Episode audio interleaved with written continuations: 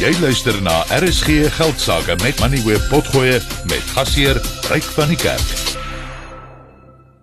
Hierdie insetsel word aangebied deur Jaco Joubert van PSG Wealth Sandton.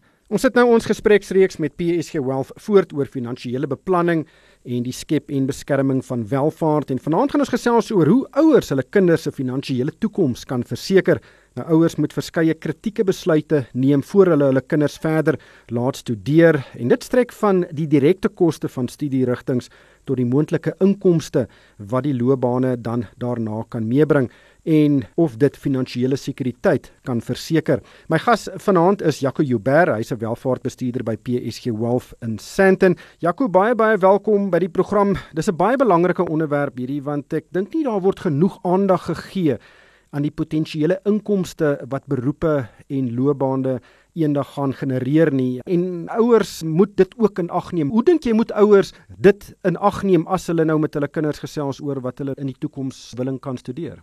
Ek wil net daai definisie van inkomste onderskraag deur te sê dat dit is maar iets uit 'n finansiële beplanningsoogpunt wat ons altyd aan raak om te kyk waar is die inkomste. En wat belangrik is is sodra 'n loopbaan begin, dan moet iemand met hulle vermoë wat hulle ontwikkel het en dit is deur studies en ervaring en so aan 'n inkomste verdien vir die res van hulle loopbaan totdat hulle die dag aftree en in daai periode spaar hulle om beleggings op te bou van daar af by aftrede word inkomste voorsien vanuit beleggings. So die basiese beginsel is is dat jy moet vanaf die periode waar jy begin werk jou vermoë gebruik om inkomste vir die enigste aftrek in die beleggings vir jou inkomste gee. En daarom is dit so belangrik om hierdie vermoë te ontwikkel van iets wat vir jou inkomste kan bied iets waar jou passie natuurlik belangrik is en maar ook dat jy met die insig van die toekoms van hoe goed moontlik kan verander en aanhoudend sal verander aanpas om by daai punt uit te kom waar jy daai inkomste kan verdien uit jou beroep. 90% van gevalle waar ouers met kinders praat oor 'n toekomstige loopbaan, gaan dit oor wat wil jy doen? Wat is jou passie want jy moet eendag iets doen waarvan jy hou. Maar aan die ander kant word daar nie genoeg gesels oor inkomste nie en glo my as jy eers verdere fases van die lewe bereik dan raak inkomste nogal baie baie belangrik. Dit is 'n interessante verskynsel. Absoluut. Ek dink die feit dat kinders vandag 'n besigheid op 'n foon kan opbou, dit is ongelooflik. En as jy vaardighede het en hard genoeg werk, kan jy iets redelik ongelooflik bereik. Die passie is 'n baie belangrike ding, maar wees bewus van hoe die wêreld moontlik kan verander en aanhoudend gaan verander en dat jy voorberei is daarop in sekere beroepsrigtings en hoe dit jou dan kan help.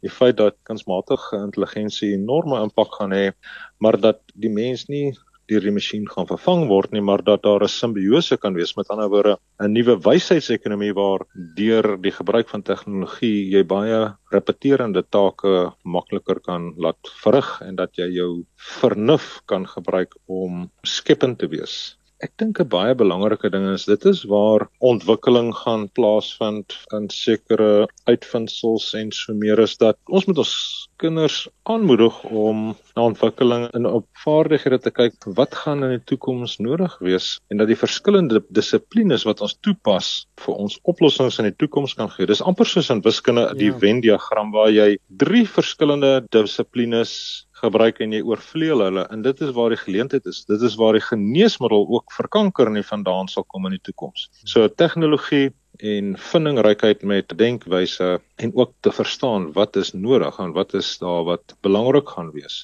alle beroepe gaan nie noodwendig verdwyn nie. Ons moet net verstaan wat die impak gaan wees en dan gaan nuwe beroepe ontstaan. Ja, ek dink baie beroepe in die toekoms gaan verdwyn, maar soos jy sê, daar gaan ook 'n legio ander beroepe moontlik word, tipe van loopbane waarna ons nie eens tans kan dink nie. Maar die koste van tersiêre onderrig is geweldig duur en dit kan ook loopbaankeuses beïnvloed. Hoe moet ouers of huishoudings die finansiering daarvan benader? Ons moet dit sien as 'n belegging in jou kind of kinders se toekoms. Ek het 'n geraamde syfer dat 'n 4 jaar nagraadse kursus by 'n tersiêre instelling soos 'n universiteit natuurlik met al die dergelike verskillende fasette 'n geraamde 1.2 miljoen rand kan kos. Nou, dis 'n groot som, Daar is dalk maniere hoe om daarvoor te spaar, maar die groot belangrike ding is is dat ons moet dit as 'n belegging sien in iemand se toekoms en die rendement of die opbrengs op dit gaan 'n inkomste wees en finansiële sekerheid vir jou kind om eendag onafhanklik te raak en 'n goeie loopbaan te kan benut waar hulle inkomste kry.